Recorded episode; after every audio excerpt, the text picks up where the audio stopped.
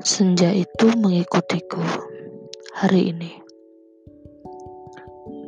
Tak tahu, aku terus melaju atau senja yang terus berputar. Betul kata kebanyakan orang, jiwa sastrawan itu bimbang. Perkara mengejar dan kejar saja ia tak paham.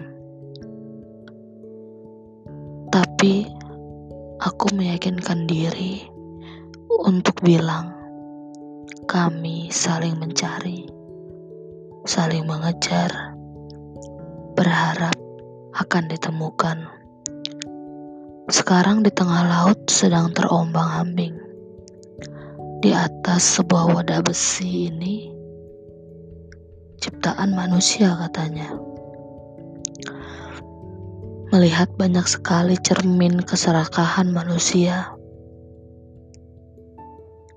Tadi aku juga sempat marah karena senjaku tertutup keserakahan manusia. Aku terus mengumpat, berkata, "Ini salah manusia." Tapi aku tersadar, Tuhan suruh aku belajar bahwa tidak menutup kemungkinan aku juga akan serakah. Seperti berhayal membangun istana besar yang di belakangnya dapat menyandera senja agar hanya dapat aku yang menikmatinya.